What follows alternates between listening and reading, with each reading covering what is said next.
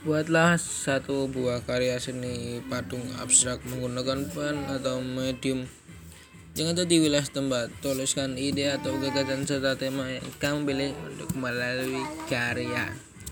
Ceritakan mengapa ide atau tema tema kamu pilih. Hei, Adakah pengalaman khusus berkaitan dengan dan tema yang kamu pilih? Buatlah sekisah bentuk dan lingkaran karya seni. Akan digunakan. Coba jadi mengapa sudah ujung kamu pilih rangkuman karya seni rupa tiga menggunakan jenis atau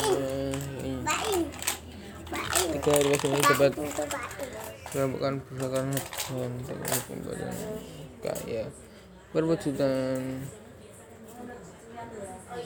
tema kunci dan sebagainya. Nilai SS karya sebagai rupa dimensi tampak visual dari wujud